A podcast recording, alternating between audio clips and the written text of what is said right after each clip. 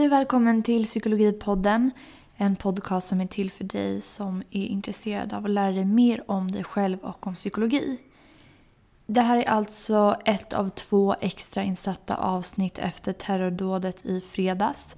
I båda de här två avsnitten så kommer vi träffa två psykologer som är specialiserade på just kris och traumahantering. Det ena avsnittet, alltså det här avsnittet, kommer att handla om hur man bemöter barn och eh, hur man kan svara på barns frågor kring vad som har hänt. Och I det andra avsnittet så talar vi mer om kris och trauma hos vuxna. I det här avsnittet så träffar vi alltså psykologen Anna Norlén och pratar om hur vi kan bemöta barns olika frågor och funderingar kring dådet.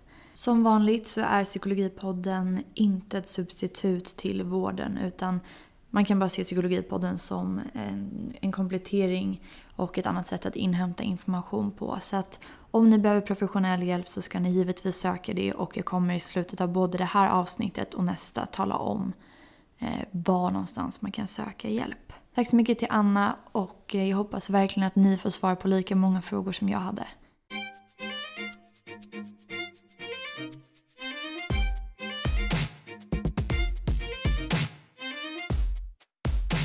Hej och välkomna till ett extrainsatt avsnitt av Psykologipodden med mig, Jacqueline Levi. I dagens avsnitt så kommer vi prata om barn och svåra händelser och med mig har jag psykologen Anna Norlén. Hej. Hej, välkommen. Tackar. För de som inte vet, vem är du och vad jobbar du med? Mm, jag är psykolog och barn och ungdomspsykoterapeut. Jag har eh, jobbat sedan tidigt 90-tal eh, med barn och unga och hela tiden fokuserat på eh, traumatisering och barn som är med om svåra händelser och svåra påfrestningar. Eh, jag har jobbat inom socialtjänst och inom barn och ungdomspsykiatri och på Rädda Barnen med, med den här målgruppen. Och nu är jag sedan några år tillbaka rektor och verksamhetschef på ett ställe som heter Erika-stiftelsen i Stockholm. Som är en kombinerad högskola som utbildar yrkesverksamma i frågor om barn och unga och behandling. Och sen har vi en behandlingsklinik och en forskningsverksamhet. Okej, så det låter som att du har vana vid att arbeta med barn i olika traumatiska eller, kris, eller krishändelser mm, egentligen? Jo, jag har ju gjort det i, också i olika verksamheter. Men om man bara börjar så från början, vem är ett barn? Ja, det är en bra fråga. Alltså man kan ju gå på det juridiska, att det är alla som är under 18 år. Eh, och det kanske är det vanliga att vi använder den definitionen i liksom hälso och sjukvård och det är det som, som styr våra, de lagar vi ska följa och riktlinjer och sådär. Eh, sen så skiljer vi ju ändå mycket på barn och unga och unga vuxna arbetar vi också med en hel del. För att behoven är, är liknande och eh, det är inte säkert att man känner sig som ett barn alltid, bara för att man är under 18. Eh, och man kanske känner sig eh, inte som en vuxen fast man är över 18. Mm. Så att gränsen är ju också något individuellt. Liksom. Men eh, när jag säger barn, då tänker jag nog egentligen mest på de som är under 18 år. Mm. Så formellt sådär. Men jag tänker vid en sån här händelse som attacken i fredags. Om man då jämför ett barn som är fyra år och ett barn som är 15 då måste det ju ändå skilja sig väldigt mycket i dels hur mycket de förstår men också hur man ska förhålla sig mm. till barnen och hur mycket man kan berätta och så. Precis. Och det är ju en av utmaningarna när vi pratar om barn sådär i, i klump eller i grupp, att det, de har så olika åldrar och så olika utvecklingsnivå och därför olika behov. Mm. Så precis som du säger, man måste verkligen som vuxen eh, förälder eller professionell anpassa sig till barnets, både den, den biologiska åldern men också hur, hur utvecklad är den här individen. Men finns det några generella riktlinjer att under den här åldern ska man inte prata om vissa saker? Och... Inte generellt sådär, men vi brukar ju tycka att förskolebarn och de som är kanske under 3-4 år, eh, de ska vi försöka skydda så långt som möjligt från information om sådana här händelser. Barn i den åldern har ju sällan, eh, de, de hämtar inte in information för egen maskin så att säga. De söker inte upp nyheter och så. Så att det, på det viset så är de skyddade. Eh, sen kan ju de råka höra och råka ta del av nyheter eller vad folk säger och sådär så att de får veta saker på det sättet. Då kan man ju behöva prata någonting om vad, vad är det nu som har hänt, vad är det vi, vi pratar om eller vad är det de berättar om på nyheterna. Men annars så, så tänker jag att de yngsta barnen ska vi skydda så långt som möjligt. Sen är det ju så idag att eh, redan när man är 5-6 år så är man ganska, börjar man vara ganska aktiv på nätet. Eh, och då kan det ju hända att man får information där som de vuxna inte hade tänkt sig. Eller att man söker upp information för att man är nyfiken. Eh, eller att man hör. Eh, och man kanske redan kan börja läsa lite sådär så att man blir exponerad så att säga för eh, nyheter och information på ett helt annat sätt. Så någonstans där från 5-6 år tänker jag att då måste vi vuxna börja vara lite mer aktiva eh, i relation till barnen och börja med att höra oss för. Vad har du hört om det här? Vad vet du för någonting? Och så ta vår början i att liksom prata om det. Så är det bättre att ställa konkreta frågor till barnen om, om vad de vet och hur de tror att det är och sådär? Ja, det skulle jag säga. För ett, ett, ett misstag som vuxna kan göra i sådana här lägen när vi själva är oroliga eller upptagna av eh, att ta reda på mer och sådär, det är att vi kanske pratar lite för mycket. Eller att vi ger information till barn som de inte har bett om eller inte kan handskas med. Så att jag brukar säga det, att det är bra att börja i den änden att kolla upp med barnet. Säga ungefär, det har hänt något läskigt i Stockholm. Har du hört någonting om det? Eh, och då, vet man, då får man lite vägledning som vuxen. Vilken nivå ska jag lägga mig på? Vad är det barnet vet? Och är det någonting som det här barnet kanske undrar. Så att jag inte börjar ge information eller prata om saker som barnet egentligen inte är intresserad av. Mm. Då kanske jag skapar frågor eller oro som är onödiga så att säga. Mm. Ja, jag tänker att barn är också väldigt bra på att känna av stämningar och mm. förstår väl oftast mer än vad man tror att de gör. Precis. Så hur kan man som förälder eller vuxen i allmänhet göra för att inte liksom låta sina egna känslor avspegla sig eller projiceras för mycket på barnen samtidigt som man vill vara ärlig med mm. hur man känner kanske. Det är en jättesvår avvägning. Särskilt om man tänker på den här händelsen nu i Stockholm. Eh, så under de första dagarna efteråt, då är ju alla så inriktade på att förstå vad är det som har hänt och vi vill liksom titta på nyheterna och hela tiden lyssna efter vad har det kommit fram något nytt och och då är det ju svårt att skydda barn från det. Eh, även om vi kan skydda yngre barn från att se nyheterna kanske så kommer, precis som du säger, barn kommer att känna av att nu är de vuxna, nu beter de sig på ett annat sätt. Vi pratar mycket med varandra, vi kanske ringer, vi ser bekymrade ut, vi är liksom fokuserade på, på nyheterna och sådär.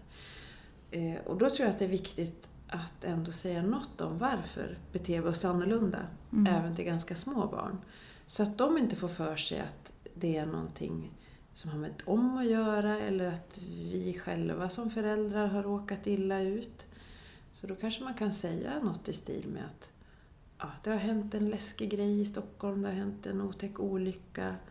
Jag blir ledsen, jag blir rädd när jag hör om det. Jag vill ta reda på vad som har hänt. Men vi är trygga du behöver inte oroa dig. Så signalera det på något sätt. Mm. Så det är okej att visa att man är påverkad? Jag tror att vi, vi kan inte dölja det i sådana här kraftfulla händelser. Eh, och jag tror som sagt tror det är bättre att tala om vad är det som jag blir påverkad av mm. eh, på ett enkelt sätt än att försöka gömma det, för det, det kan skapa oro. Mm. Jag tänker att i vanliga fall så brukar de här poddavsnitten vara lite mer kanske strukturerade samtal. Men jag har väldigt många frågor till dig. Och eh, jag tänker att jag försöker ta liksom en förälders perspektiv i det här och ställer alla de frågorna mm. som jag har. Kör på. Eh, för det känns viktigt att få ut information. Eh, men du pratade om att det är viktigt att kanske lugna barnet på något sätt. Att försäkra om att de är okej och, mm. och, vi runt omkring är okej. Mm. Vad finns det mer konkret man kan göra för att lugna ett barn?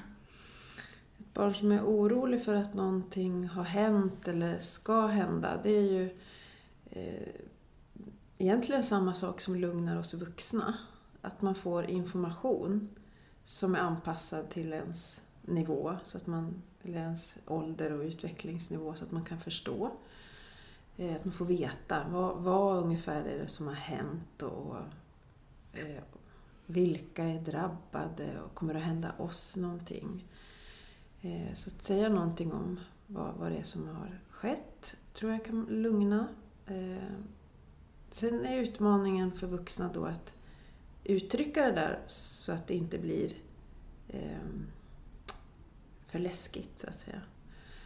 Eh, är man som, som vuxen väldigt påverkad själv och orolig för det som har hänt och så, då, då kanske man ska ta hjälp av någon annan vuxen och fråga hur ska jag säga eller hur har du sagt till dina barn? Eh, jag tror det är därför många ställer de här frågorna som du ställer också, för att man, man måste handskas med sin egen oro. Eh, så att information eh, och sen närhet, att vara tillsammans, är lugnande. Både för barn och vuxna. När man är rädd och orolig eller i ett osäkert läge. Så att vara, var lite tajtare med varandra än vanligt och gör saker tillsammans. Eh, man kan också göra saker tillsammans som, som är förströelse. Alltså spela spel, eh, kolla på en film. Eh, ja, göra någonting liksom neutralt ihop men ändå vara noga med att vi, vi är tillsammans. Röra på sig lite. Det löser barn ofta väldigt bra naturligt för de vill, vill röra på sig och vill gå ut och leka och så. Men det kan man liksom också använda för vi vet att fysisk aktivitet är lugnande mm. för oss människor. Så det kan man liksom använda medvetet sådär att man eh, går ut och klättrar i träd eller klänger i parken lite eller promenerar eller vad man nu gör. Så att vara tillsammans och röra på sig skulle jag säga är kanske de viktigaste grejerna. För vi vet att oro och tankar på jobbiga saker de får väldigt mycket plats när man är i stillhet och när man är ensam. Eh, så att göra allting som inte är det, så att säga. Eh, sen kan det ju vara så att något barn eller någon, någon tonåring eh, vill dra sig undan lite och vara för sig själv. Och det är ju liksom helt okej. Okay. Men då kan man som vuxen ändå vara noga med att med lite jämna mellanrum göra sig påmind och tala om att vi finns här, vi vill gärna att du ska vara med kom nu fikar vi eller nu käkar vi. Så att ingen blir liksom helt isolerad någon längre stund sådär. Om man tänker att nu är det någon som grubblar och oroar sig så mm. försöka liksom att kroka in i gemenskapen. Eh, det skulle jag nog säga är de viktigaste grejerna. Sen hålla fast vid vardagsrutiner mm. är lugnande. Det blir en signal till barnet, det blir en signal till oss som vuxna att vissa saker är som vanligt trots det som har hänt. Och det lugnar oss både fysiskt och psykiskt för mm. vi känner igen det, det känns tryggt och bekant. Så allt man brukar göra tycker jag man ska hålla fast vid. Ehm, och aktiviteter som man brukar göra tycker mm. jag också att man ska fortsätta med. gärna om det är en aktivitet som är ihop med andra och som är någon träning eller ett lag eller en orkester eller något sånt där så är det också sånt som är väldigt lugnande och tryggande. Mm. Göra saker ihop med andra. Och det här är ju saker som, eller låter det som i alla fall, som man kan göra på sikt eller liksom mm. eh, i anslutning till en sån här traumatisk händelse. Är det någon skillnad på det och hur man ska hantera och lugna ett barn i en akut situation? Mm, delvis hänger det ihop, tänker jag. Men, men om det är ett barn som är drabbat och det är akut Eh, där det nyss har hänt någonting väldigt kraftfullt eh, så använder man egentligen samma principer. Just det här med att, att eh, lugna och trygga genom att ge enkel och kort information. Prata enkelt, gärna upprepa. Framförallt lyssna. Vad är det barnet säger? Har barnet några frågor eller så? Och sen vara tillsammans, finnas till hands ge praktisk hjälp. Alltså se till att, att barnet får det det behöver. Om det nu är mat eller kontakt med andra eller eh, förströelse. Eh, så att gemenskap och närhet och, och eh, lite enkel information. Och, Mm. och, och lyssna noga. Det är Mm. liksom de viktigaste grejerna. Sen vet vi att eh, lite grann också om vad vi inte ska göra. Mm, Med både barn och vuxna i, i, i sådana där akuta lägen. Och det har vi lärt oss genom erfarenhet. Eh, som för en del har varit dyrköpt då. Men vi vet till exempel att direkt efter en, en svår påfrestning så är det inte hjälpsamt för människor att eh, bli uppmuntrade till att uttrycka sig starkt känslomässigt. Så det betyder att eh, om någon just har varit med om något väldigt omtumlande så ska vi runt omkring inte fråga en massa saker om hur läskigt var det? Hur rädd blev du? Hur kändes det? Vad tänkte du på? Eh, det kan tolkas som liksom en uppmaning eller ett krav att man ska uttrycka sig känslomässigt. Och det vet vi att är man, gör man det för kraftfullt väldigt, i ett skede när man är eh, väldigt instabil och inte är sig själv, så att säga, inte känner sig som sig själv, då kan man få eh, negativa effekter som hänger i länge. Mm. Så i det där akuta så ska vi finnas till hands och lugna och trygga och betona att det där läskiga har hänt. Men nu är du trygg här på den här platsen. Och jag finns här och hjälper dig och lyssnar på dig och ser till att du får det du behöver just nu. Mm. Eh, snarare än att börja fråga en massa saker om vad du kände och tänkte när det där hände. Okej. Jo, men jag tänker på den här specifika händelsen i fredags då med terrorattacken på Drottninggatan i Stockholm. Är det så att... Jag menar, det är ju en traumatisk händelse. Men måste en traumatisk händelse automatiskt innebära att man utvecklar ett trauma? Nej. Det där är en, en tycker vi som jobbar med, med påfrestningar och trauma, är en, en viktig fråga. Därför att vi, vi vet till exempel efter en sån här händelse som i fredags att de allra flesta som har varit i närheten av det kommer att ha reaktioner precis efteråt som kan vara kraftiga. De, de kommer att känna sig väldigt omtumlade och ledsna och rädda och påverkade och kanske ha svårt att koncentrera sig och fungera som vanligt. Men för de allra flesta så kommer det där att klinga av inom några veckor. Eh, sen kommer de alltid att ha med sig ett otäcka minnen och de kommer att ha med sig den här händelsen och det kommer att påverka dem. Men de flesta kommer inte att bli traumatiserade. Mm. Trauma betyder skada. Och I de här sammanhangen så pratar vi om känslomässiga, psykologiska skador. Och då vet vi genom studier och erfarenhet att eh, människan har en enorm kapacitet, och det gäller också barn, att klara svåra påfrestningar. Det är mycket som är dåligt för oss utan att vara traumatiserande. Så ganska få kommer ändå efter en sån här händelse att få bestående psykologiska skador som gör att de kan bli bedömda som traumatiserade inom psykiatri och behöver behandling. De flesta kommer att reagera, som har varit i närheten, eller är drabbade på något sätt. Men de kommer med bra bemötande och stöd runt sig att kunna återhämta sig ganska mycket av egen kraft och med, med stöd av omgivningen. Mm. När det kommer till eh, traumatisering då, är det någon skillnad på personer som direkt har till exempel barn då som var på Drottninggatan, barn som upplevde ett hot men inte såg någonting, barn som hörde om, om inte olyckan, om terrorattentatet? Mm. Det är ju skillnad. Det, det beror på hur vi brukar säga när man bedömer liksom risken för att någon ska bli traumatiserad så behöver man titta på hur mycket man blev exponerad. Alltså hur, hur nära var man det som skedde? Hur mycket såg man? Hur mycket hörde man? Hur mycket kände man doft eller kände på skinnet? Hur mycket tog man in med sina sinnen så att säga? Och där kan man ju säga att risken för att man ska ta skada ökar ju närmare man är det som har hänt förstås. Så det är, det är mindre skadligt för oss att höra talas om något. Mm. Men eh, hör vi talas om att någon som vi är beroende av eller någon som vi har en väldigt stark och nära relation till har varit i hot, eh, i en hotfull situation eller drabbats så kan vi få traumasymptom av det. Mm. Det där är speciellt känsligt när det gäller barn som är så beroende av vuxna och framförallt sina föräldrar eller de som tar hand om dem.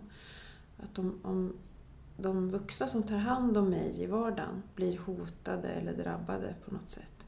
Då kan det vara traumatiserande för barn. Mm. Ehm, Så det, det är en aspekt som är lite specifik för barn just då. Jag tänker, vad är då liksom vanliga, normala krisreaktioner hos barn? Eller hos vuxna också. De Mm, kanske inte skiljer sig mm. jättemycket, jag vet inte. Nej, det, det är mer likt än olikt skulle jag säga. Hos barn och vuxna. Det man ser hos barn kanske är mer uppenbart så fysiska reaktioner. Och ju yngre barn är desto mer visar de med sina kroppar att de inte mår bra eller är stressade eller påverkade. Så det kan bli mycket bekymmer kring mat och sömn. Eh, svårigheter att komma till ro och kunna sova, slappna av. Eh, man kanske blir eh, nedstämd. Eh, tycker inte att det är kul att leka eller göra sina aktiviteter längre. Eh, man kan grubbla väldigt mycket på saker man har hört eller sett eller varit med om.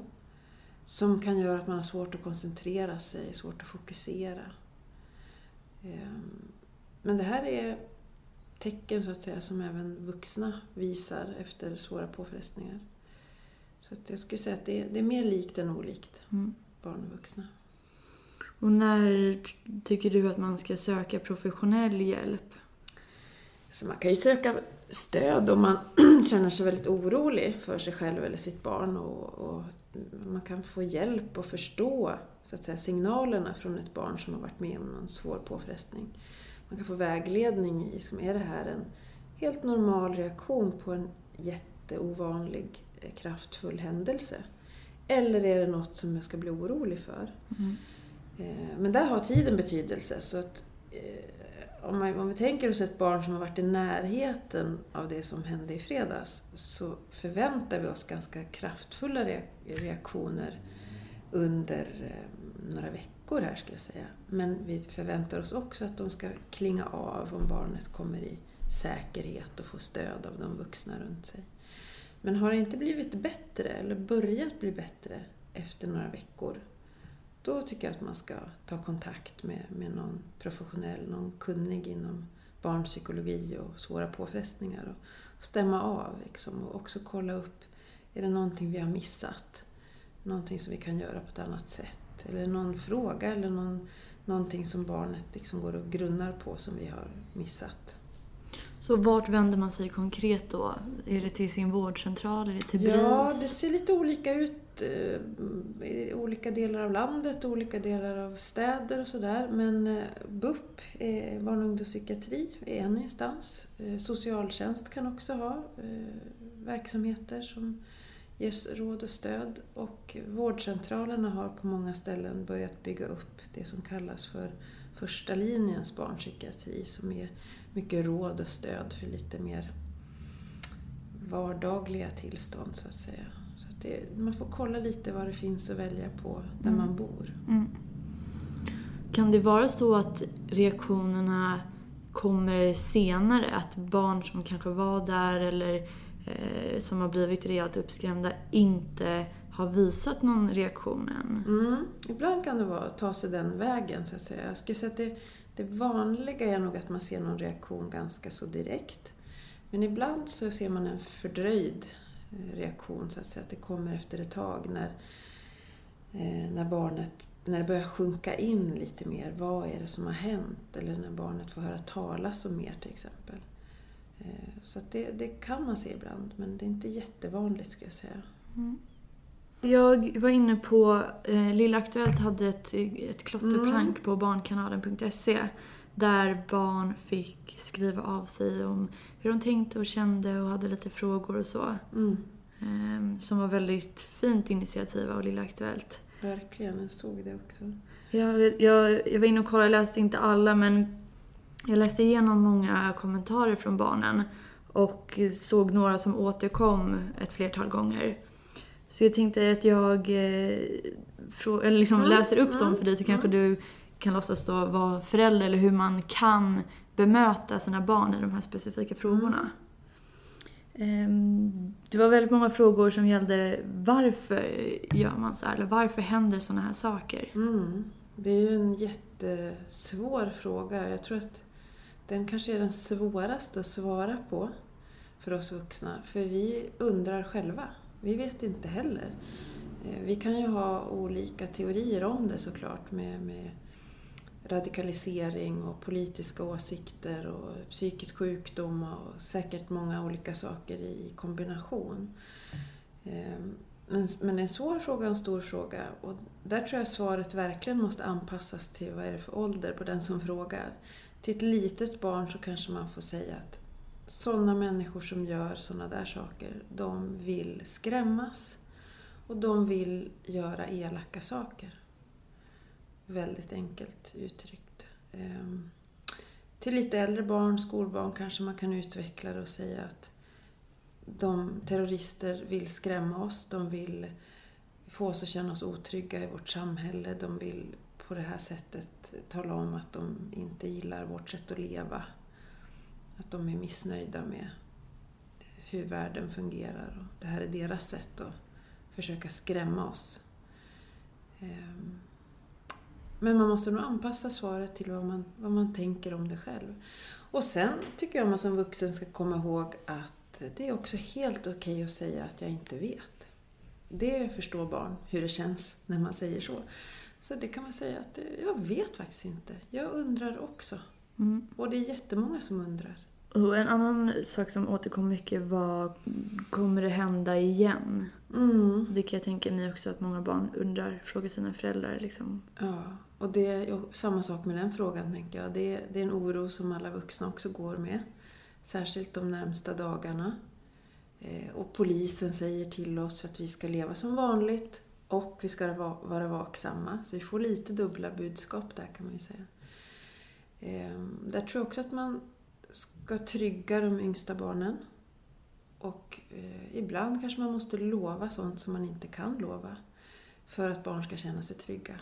Man kanske måste säga att det kommer inte att hända igen. Eh, eller jag hoppas att det inte ska hända igen. Eh, för blir vi för realistiska med små barn, då kan det bli väldigt otryggt. Eh, men eh, barn i skolåldern, eh, låg och mellanstadieålder och uppåt kan man ju ändå behöva säga att nu gör alla i samhället allt vad de kan för att det inte ska hända igen. Polisen jobbat jättebra. Alla ministrar och politiker och alla tycker samma sak om det här. Vi ska hjälpas åt för att det inte ska hända igen. Så att man får trygga på det sättet. Mm. En annan sak som återkom det var att jag blir så ledsen och arg på den eller de som har gjort det här. Mm. Alltså, det var väldigt mycket ilska och sorg. Mm. Och de uttrycken är ju också väldigt mänskliga. Eh, så det, det tänker jag mig att man kan ta emot och säga liksom att jag förstår att du känner så och mm. tänker så. Och jag känner likadant. Mm. Och hela samhället känner lika. Och det är bland annat därför som vi går och lägger blommor på Sergels torg och tänder ljus och så, för att vi vill visa hur, hur ledsna vi är. Men vi vill faktiskt också protestera på det sättet och visa att vi, eh, vi knäcks inte av det här utan vi stöttar varann och vi hedrar de som har drabbats. Mm. Så att man kan omformulera det på det sättet. Men verkligen bekräfta att det är alldeles rimligt att känna och tänka så. Mm. Alla känner igen det. Mm. En annan sak jag tänker begreppet döden. Mm. Ungefär vid vilken ålder förstår man, vad, liksom har en idé om vad döden är för någonting? Ja, det där är en jättesvår fråga. Det är många vuxna som brottas med det också, vad, vad det är och vad som händer sen. Men jag tror att man kan räkna med att kanske från ja, tidig skolålder så börjar man ha ett mer realistiskt begrepp om att det är något oåterkalleligt. Mm. Eh, yngre barn kan ju delvis förstå vad död är men de kan också ha magiska eller fantasifulla tankar om att det, det är någonting som är, går att ändra på, att man kan leva upp igen efter ett tag. Och att det är ett tillstånd som inte är för alltid. Så de kan fråga liksom, hur länge kommer hunden att vara död eller mm. sådär. Så tänker de att den kommer tillbaka. Mm. Så det, det är ju ett begrepp som, som man också kan behöva svara på frågor om Mm. i, sådana här lägen. Och många barn undrar också vad händer med dem som, som dog? Mm.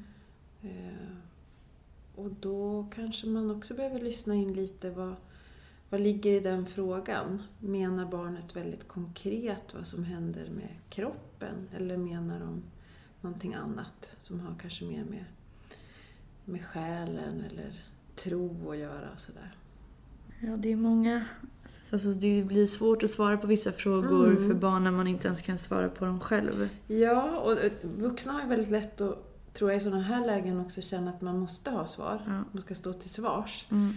Eh, Så ibland tror jag att vi skulle ha nytta av att liksom sänka kraven på oss själva och mer bara ta emot det barnen frågar och säger och dela det.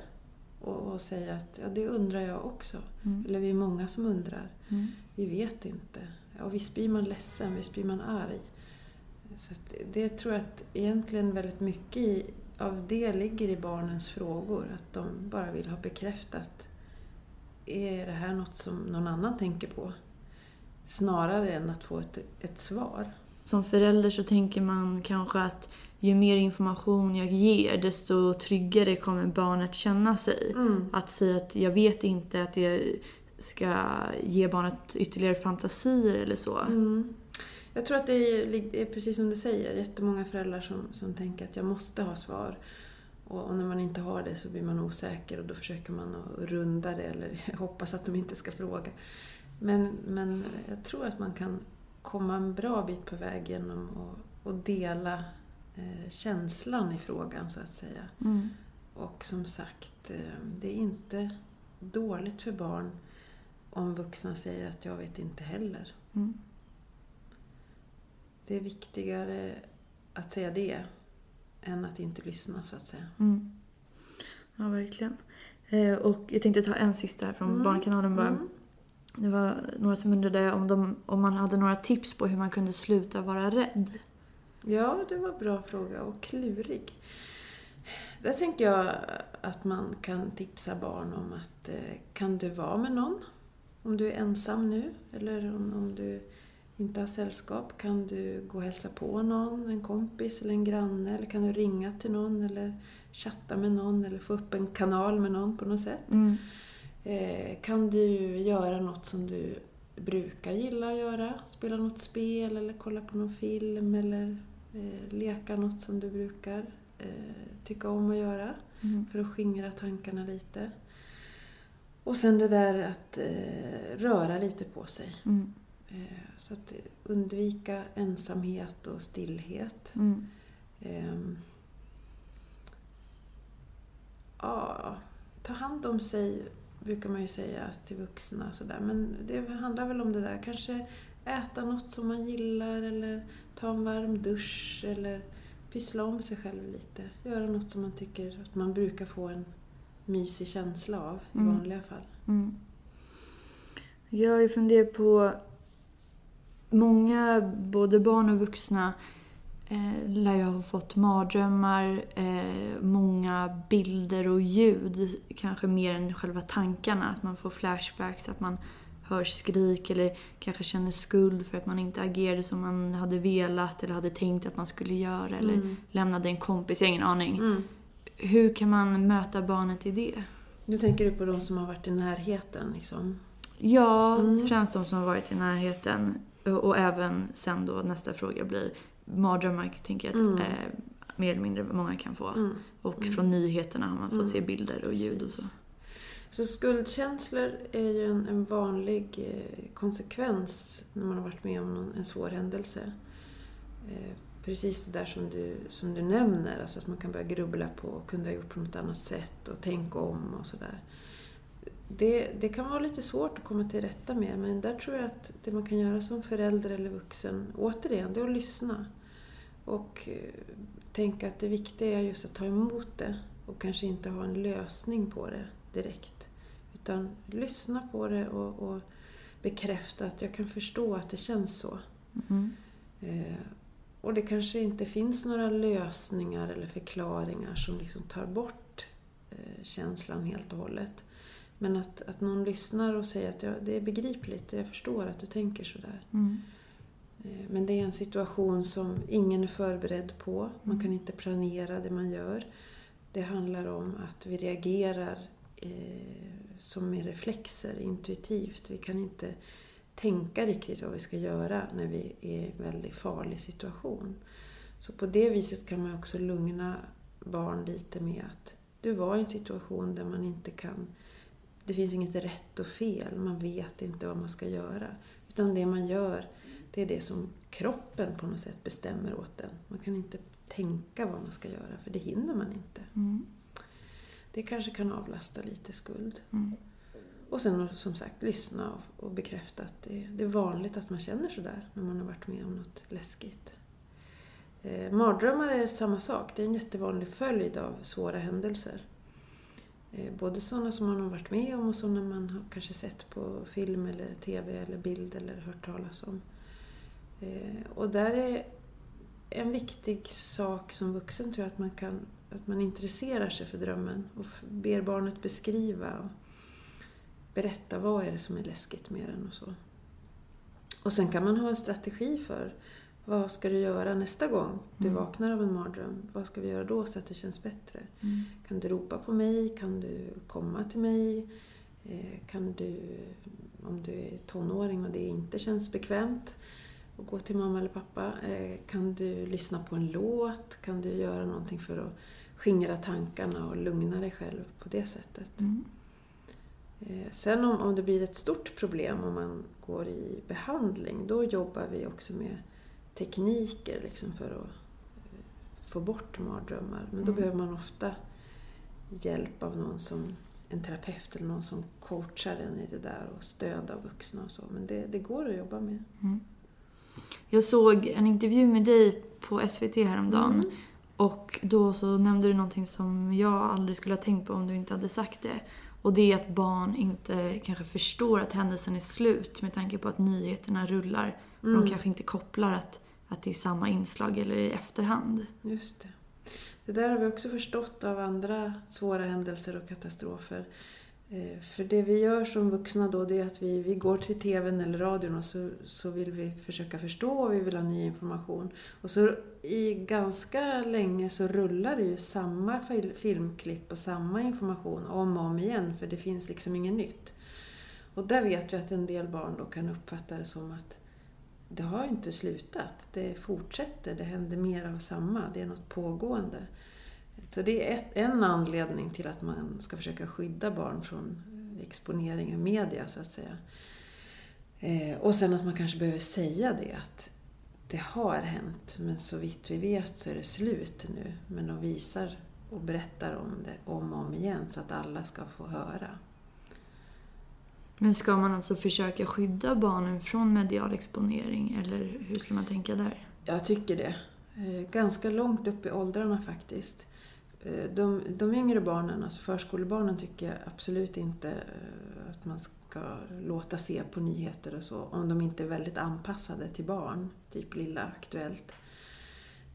Men det kan gälla en bra bit upp i skolåldern också faktiskt. Att man är sparsam med det och att man, om man kan, så, så titta på nyheterna och läsa tillsammans. Mm.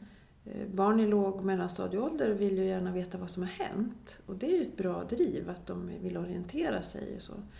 Men de vill oftast inte, och de mår inte bra av, en massa otäcka bilder och detaljer. Mm.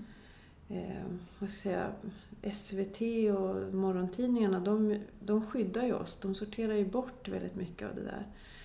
Men det finns ju så många andra kanaler för nyhetsspridning idag som inte har den omsorgen om sina tittare så att säga. Mm. Där det sprids väldigt mycket detaljer och där folk postar saker själva och sådär.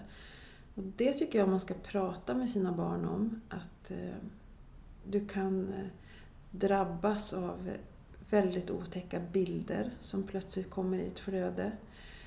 När man är oförberedd på det eh, så kan det få en väldigt eh, jobbig effekt. Alltså det är svårt att bli av med de där bilderna, de fastnar.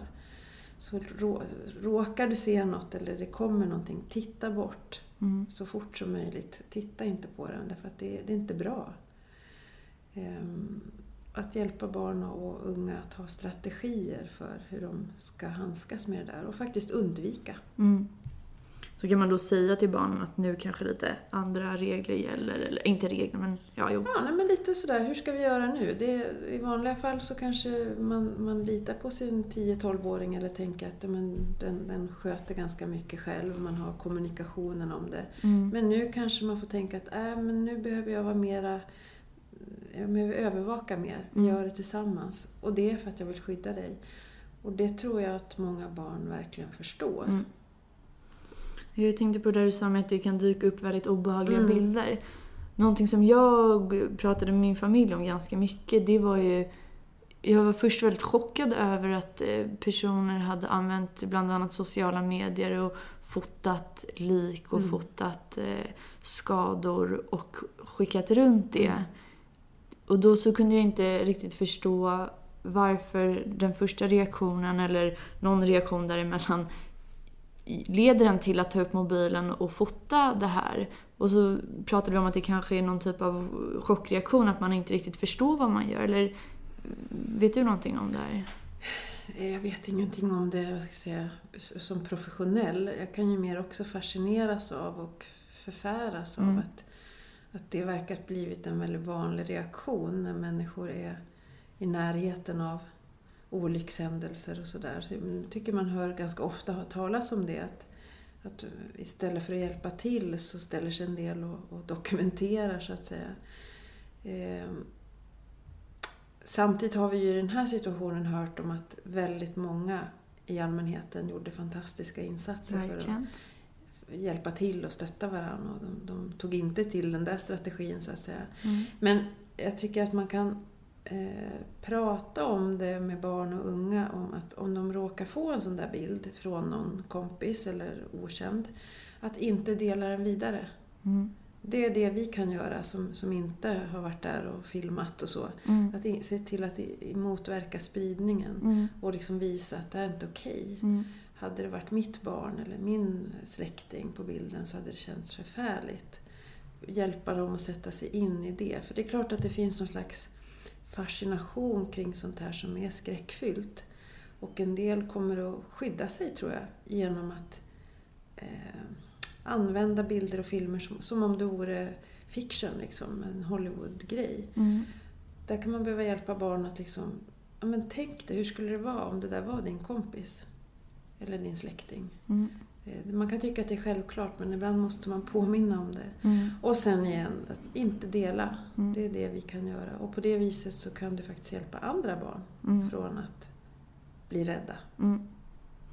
Ja, jag tänker det här med att dela och inte bara bilder, men jag tänker nu när barnen är i skolan igen så spontant känns det som att de kommer prata väldigt mycket om händelsen, både under strukturerade former, kanske i klassrummen, men framförallt med varandra på raster och så. Mm. Ska man som vuxen försöka följa upp om, alltså med sina egna barn vad för ny information de har fått?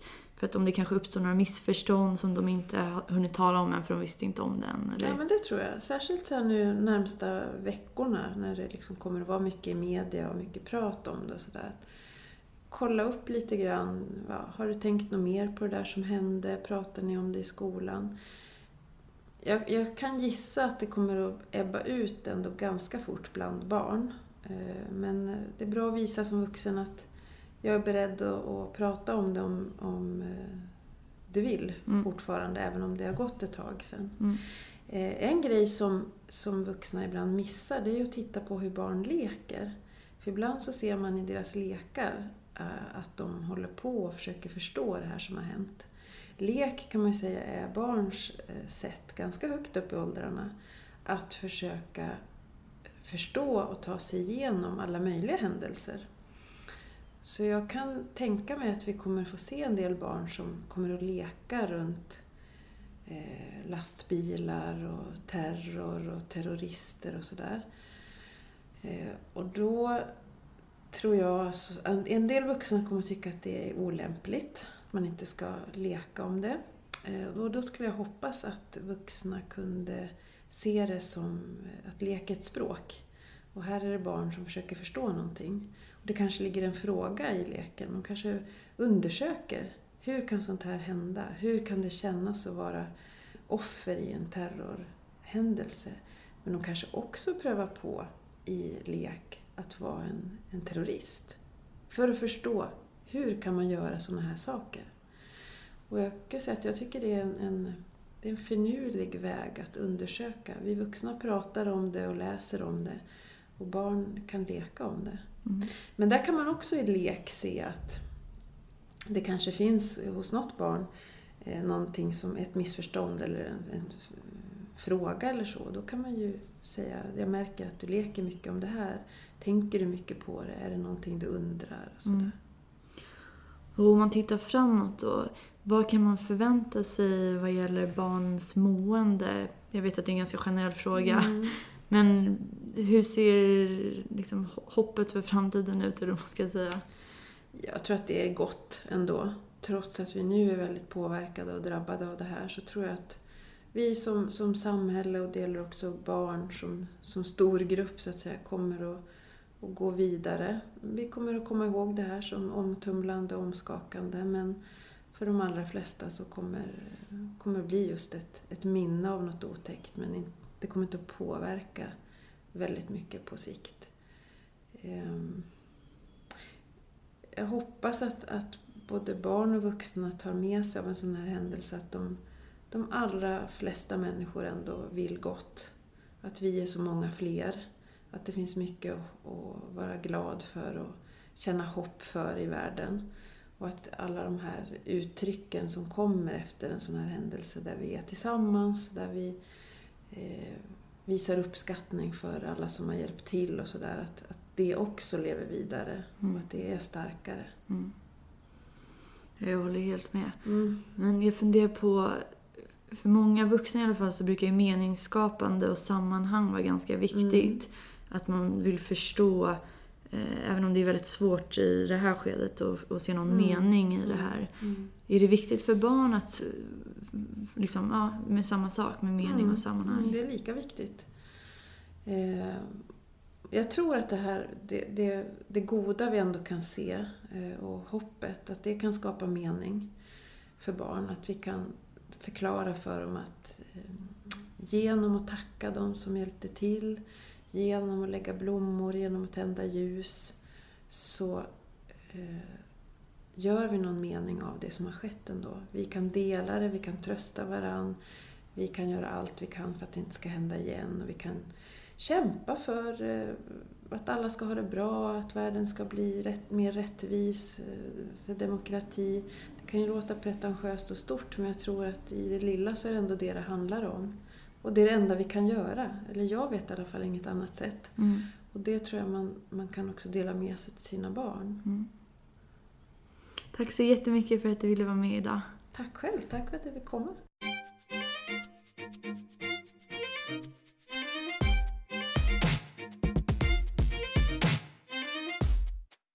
Tack alla fina lyssnare för att ni var med mig och Anna här idag. Jag är helt säker på att ni precis som jag känner en oerhörd sorg över det som har hänt och jag kan inte sluta tänka på offren och deras familjer och anhöriga och om hur deras liv avslutades på ett så himla brutalt och hemskt och onödigt sätt. Det finns flera ställen att vända sig till för att få professionell hjälp. Man kan vända sig till Vårdguiden 1177. Stockholms stad har eh, satt upp en hemsida och ett eh, kriscentrum. Om ni går in på stockholm.se så finns det en flik där till höger där det står krisstödcentrum tror jag. Det finns även en bok. Jag ska bara dubbelkolla så att jag säger rätt nu. Det finns en bok som heter eh, Krisstöd vid olyckor, katastrofer och svåra händelser av eh, Sara Hedrenius och Sara Johansson. Och Anna tipsade även specifikt om en bok som heter Barn och trauma som är skriven av Atle Dyregrov. BUP.se har också mycket information vad gäller barn och dit kan man även vända sig om man, om man är barn eller ungdom. Lilla Aktuellt hade som sagt ett klotterplank på barnkanalen.se. Jag tror att det finns kvar att titta på även nu i efterhand. Så att även om man som barn inte hade tid själv att skriva ner sina funderingar så kan man få ta del av andra barns tankar och känslor och frågor. Det finns väldigt mycket hjälp att få så att om det är så att ni är oroliga själva eller om ni har barn eller föräldrar, kompisar, anhöriga, bekanta som ni tror skulle vara behjälpta så får ni gärna tipsa dem om vart de kan vända sig för att söka hjälp. Tack så mycket återigen fina lyssnare och tack så mycket Anna för att du ville vara med och prata om detta viktiga ämne. Jag skickar massa, massa kärlek till er lyssnare. Vi hörs snart igen. Puss och kram på er!